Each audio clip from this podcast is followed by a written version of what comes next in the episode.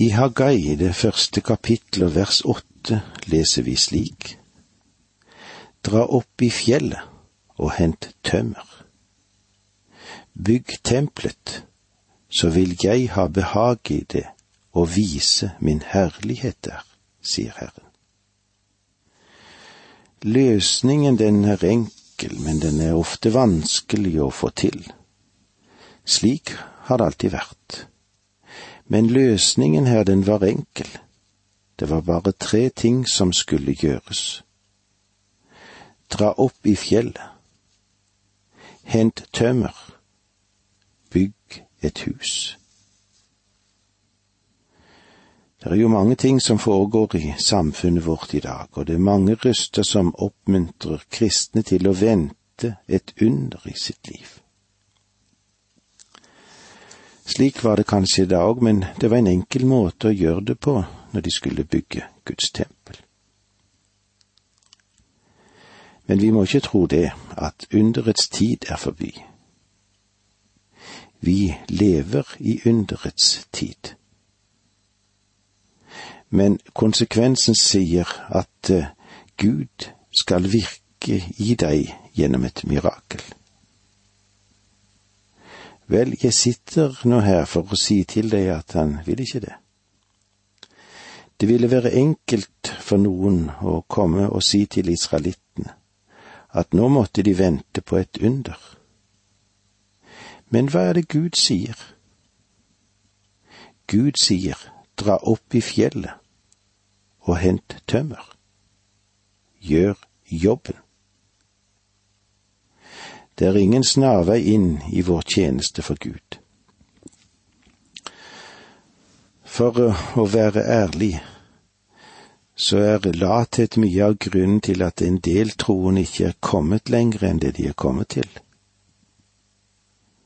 Og at en del søndagsskolelærere kan være dårlige søndagsskolelærere og likeledes at en menighet eller forsamling ikke er kjent for å ha så stor omsorg for hverandre.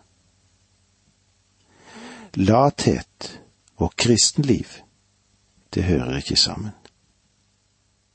Og jeg tror aldri at Den hellige ånd vil noensinne velsigne lathet. I ordene som vi har foran oss nå, er det egentlig en trefoldig appell. Det er en appell til tanken. Gud sa til dem helt ifra begynnelsen. Dere sier at det ikke nå er tid til å bygge Guds hus. Jeg vil at dere skal tenke dere om. Hvordan kan det ha det seg da slik at de lever i så vakre hjem? Det var hans appell til tanken, til sinnet. Han appellerte også til hjertet. Han ba dem om å vurdere, plassere sitt hjem inn i det som hadde med Guds sak å gjøre. Det hadde de ikke gjort. Men det var det som var Guds utfordring. Og en tredje side som vi skal se på Gud ga dem en ordre, og denne befalingen var en appell til viljen. Dra opp i fjellet. Hent tømmer. Bygg tempelet. Så enkelt, og likevel så viktig. Faktisk er Haggais bok for enkelt til å ha plass innenfor Guds ord. Den burde kanskje vært litt mer komplisert. Men Haggai ga folket en preken. Han sa, Dra opp i fjellet. Det er det første poenget.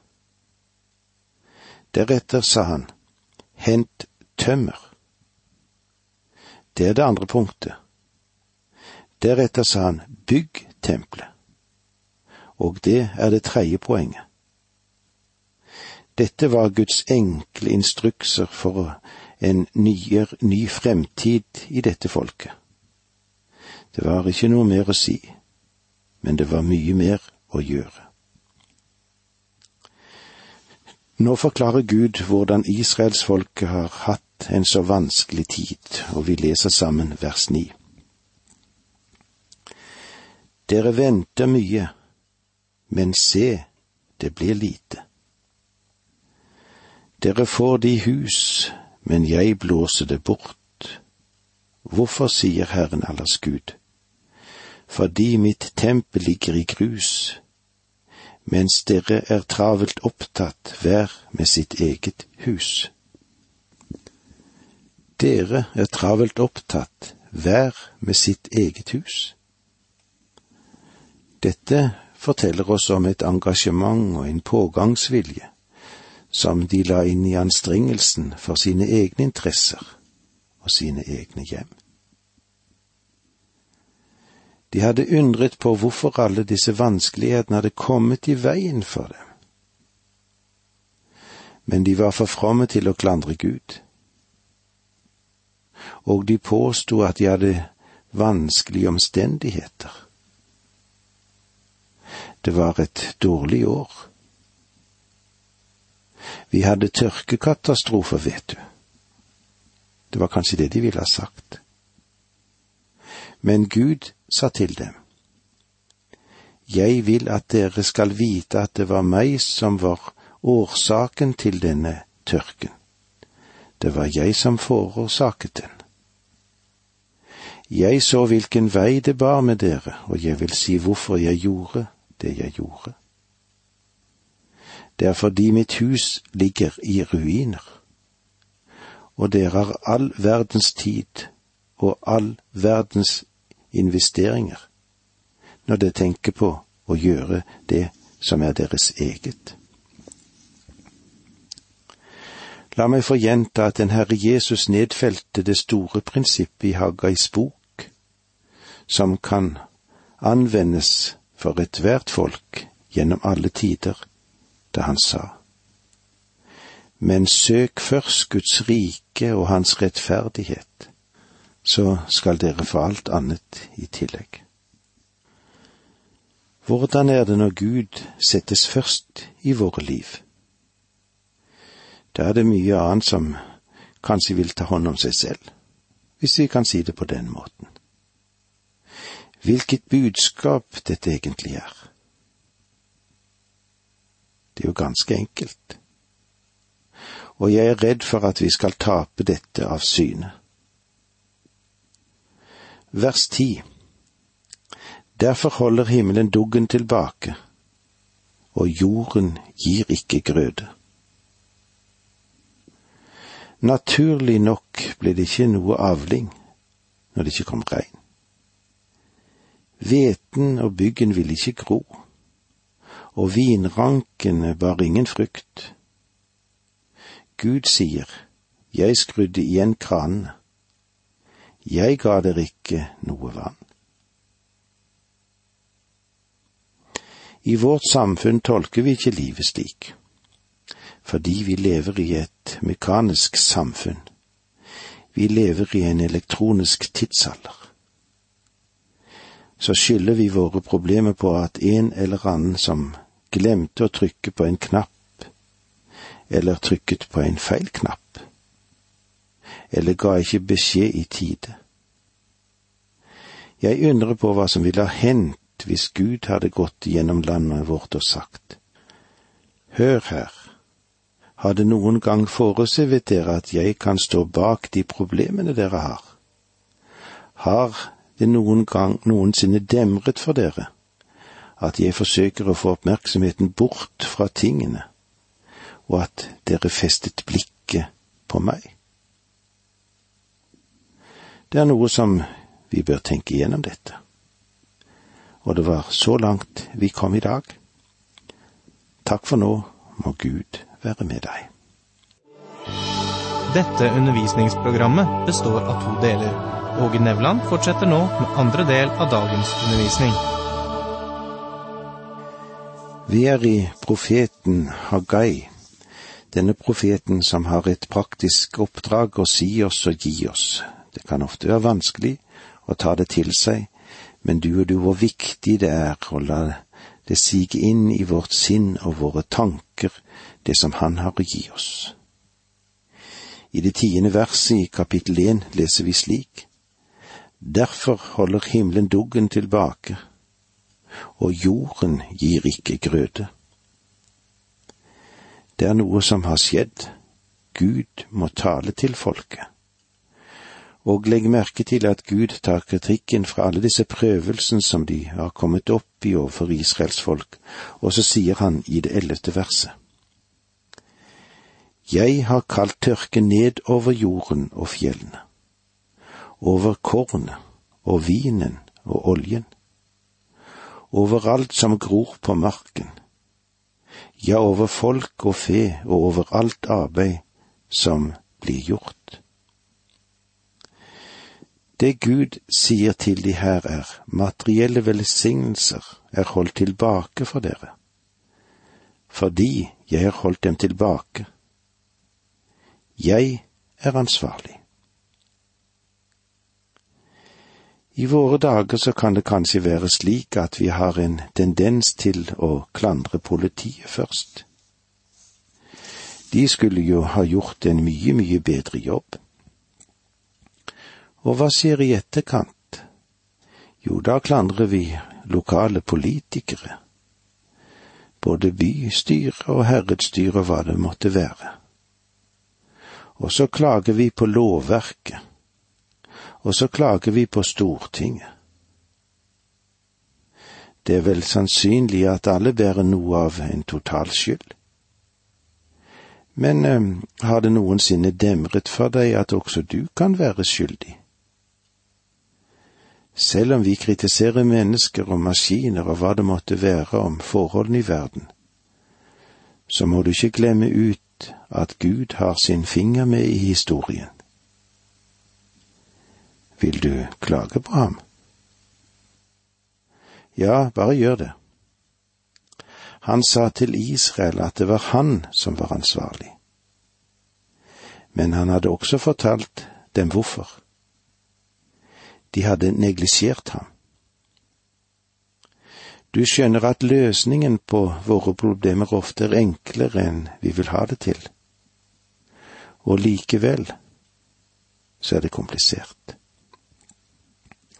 Vi tror at hvis vi setter inn en ny metode eller en ny maskin eller et nytt menneske, eller kanskje en ny miljøplan, ja, så vil problemene bli løst.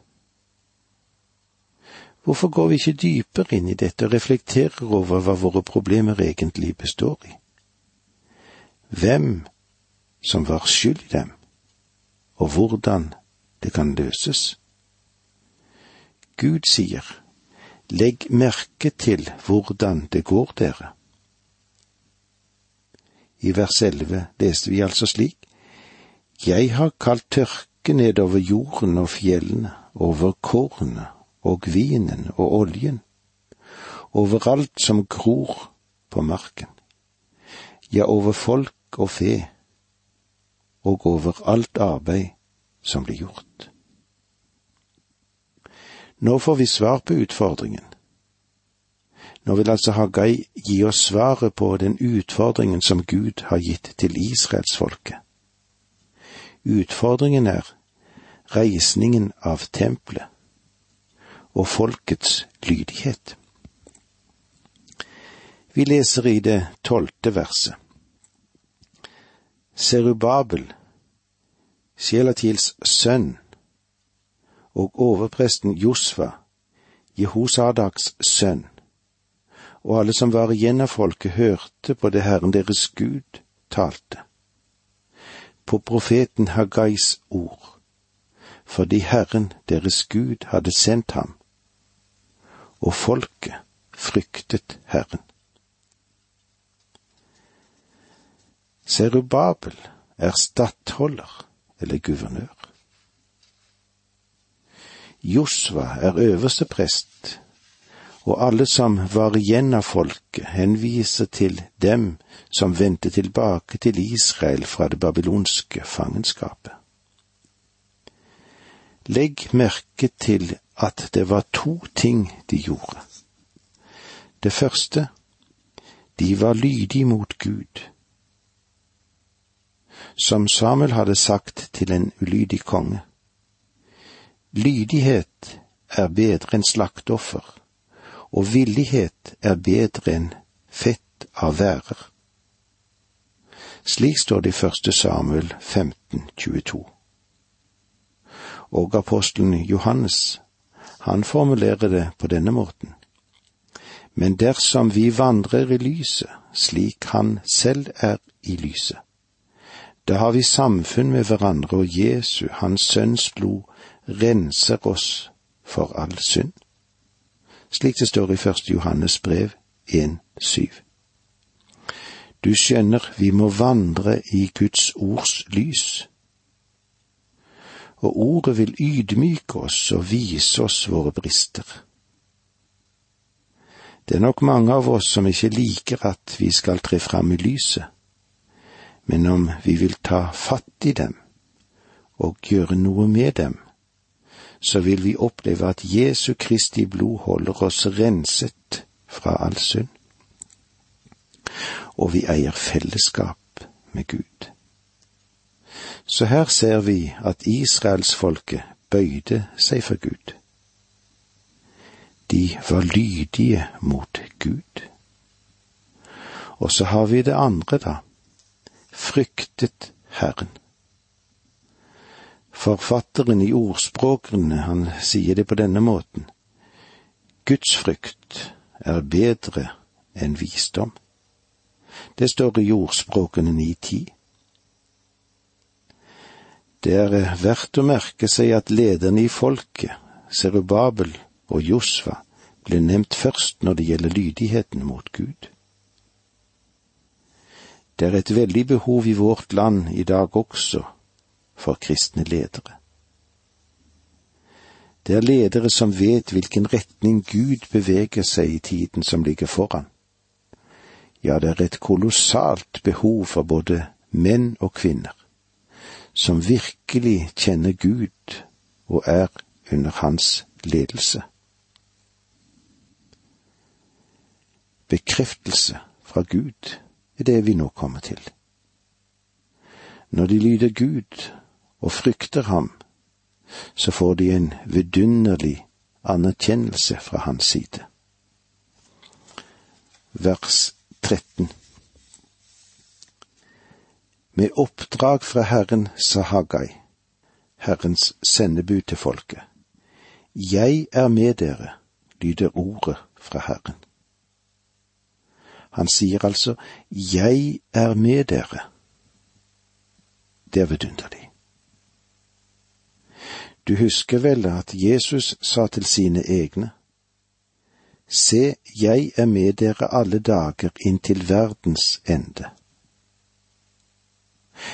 Og legg også merke til at hans løfte om at han skulle være med dem, hvilte på den lydigheten som de ga. Gå derfor ut og gjør alle folkeslag til disipler idet dere døper dem til Faderens, Sønnen og Den hellige ånds navn, og lærer dem å holde alt det jeg har befalt dere.